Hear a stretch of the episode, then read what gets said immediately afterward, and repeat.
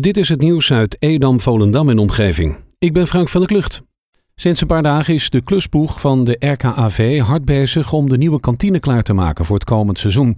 Tijdens en na de wedstrijden kan je koffie, frisdrank en eten vanaf deze nieuwe locatie bestellen. Omdat het in de buitenlucht is, zal deze nieuwe kantine meer coronaproof zijn. Wel blijven de regels zoals vastgesteld in het coronaprotocol leidend. Zolang de tent nog niet open is, kan je ook gewoon in de kantine wat bestellen. Op het moment dat de tent open is, kan je alleen nog per reservering de kantine betreden. De leerlingen van het Clusius College in Purmerend mogen tijdens de pauzes niet van het schoolterrein af. Daarnaast wordt van leerlingen gevraagd elke dag een mondkapje mee te nemen naar school. Normaal gold bij het Clusius College de regel om tijdens de lesdag op het schoolterrein te blijven voor klas 1. De oudere leerlingen mochten na de eerste kleine pauze van het terrein af. Nu moeten ze allemaal op het schoolterrein blijven in verband met de veiligheid. Dat schrijft het Noord-Hollands Dagblad vandaag. Kees Stol en Nick en Simon zijn genomineerd voor de Gouden Televisiering 2020 met de tv-documentaire Homeward Bound.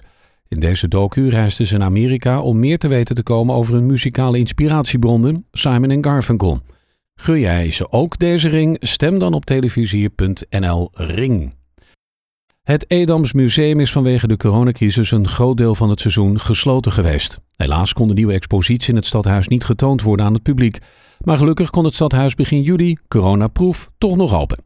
Daarna was het best een uitdaging om het Koopmanshuis met de smalle trappen veilig te maken voor bezoekers en gastheren en vrouwen. Het is gelukt en het Koopmanshuis is nu weer open.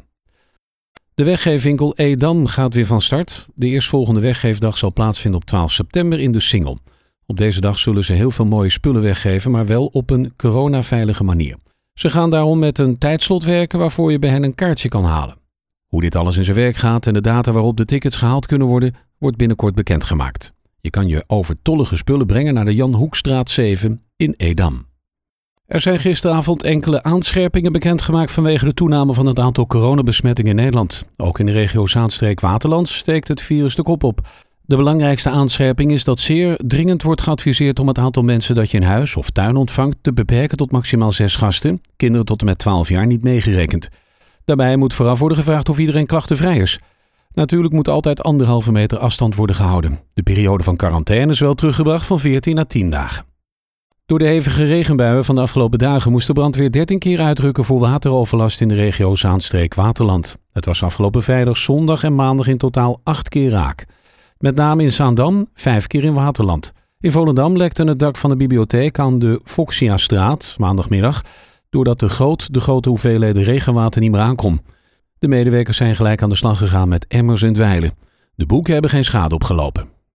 FC Volendam heeft ingestemd met het verzoek van FC Groningen om de wedstrijd van komende vrijdag toch zonder publiek af te werken. FC Groningen laat dat weten, mede gezien door de recente ontwikkelingen rondom het coronavirus, alle veiligheids- en gezondheidsrisico's zoveel mogelijk wil uitsluiten. De club is van mening dat bij het uitvoeren van de voorschriften voor het organiseren van wedstrijden met publiek de veiligheid van spelers en staf in het stadion beter gewaarborgd kan worden. Vrijdag 21 augustus speelt FC Volendam op het complex van VV Woudia in Westwoud om 6 uur de laatste wedstrijd van de oefencampagne. RTV Lof organiseert op zaterdag 29 augustus een bingo die vanaf 8 uur live zal worden uitgezonden via tv-kanaal. De donateursactie rond de kermis traditiegetrouw een belangrijk moment voor de LOF om de benodigde fondsen te werven. Nu de kermis dit jaar niet doorgaat en de advertentieinkomsten door het coronavirus onder druk staan, staat de LOF financieel voor een uitdaging. Om wat meer armslag te krijgen organiseert de lokale omroep een bingo. Voor de bingo roept de LOF de hulp in van Edam Volendam actie. Deze groep vrijwilligers heeft in het begin van de coronacrisis acht bingoavonden georganiseerd die alle binnen een uur waren uitverkocht. Tot zover het nieuws uit Edam, Volendam en omgeving. Meer lokaal nieuws vindt u op de Love Kabelkrant, onze website of in de app.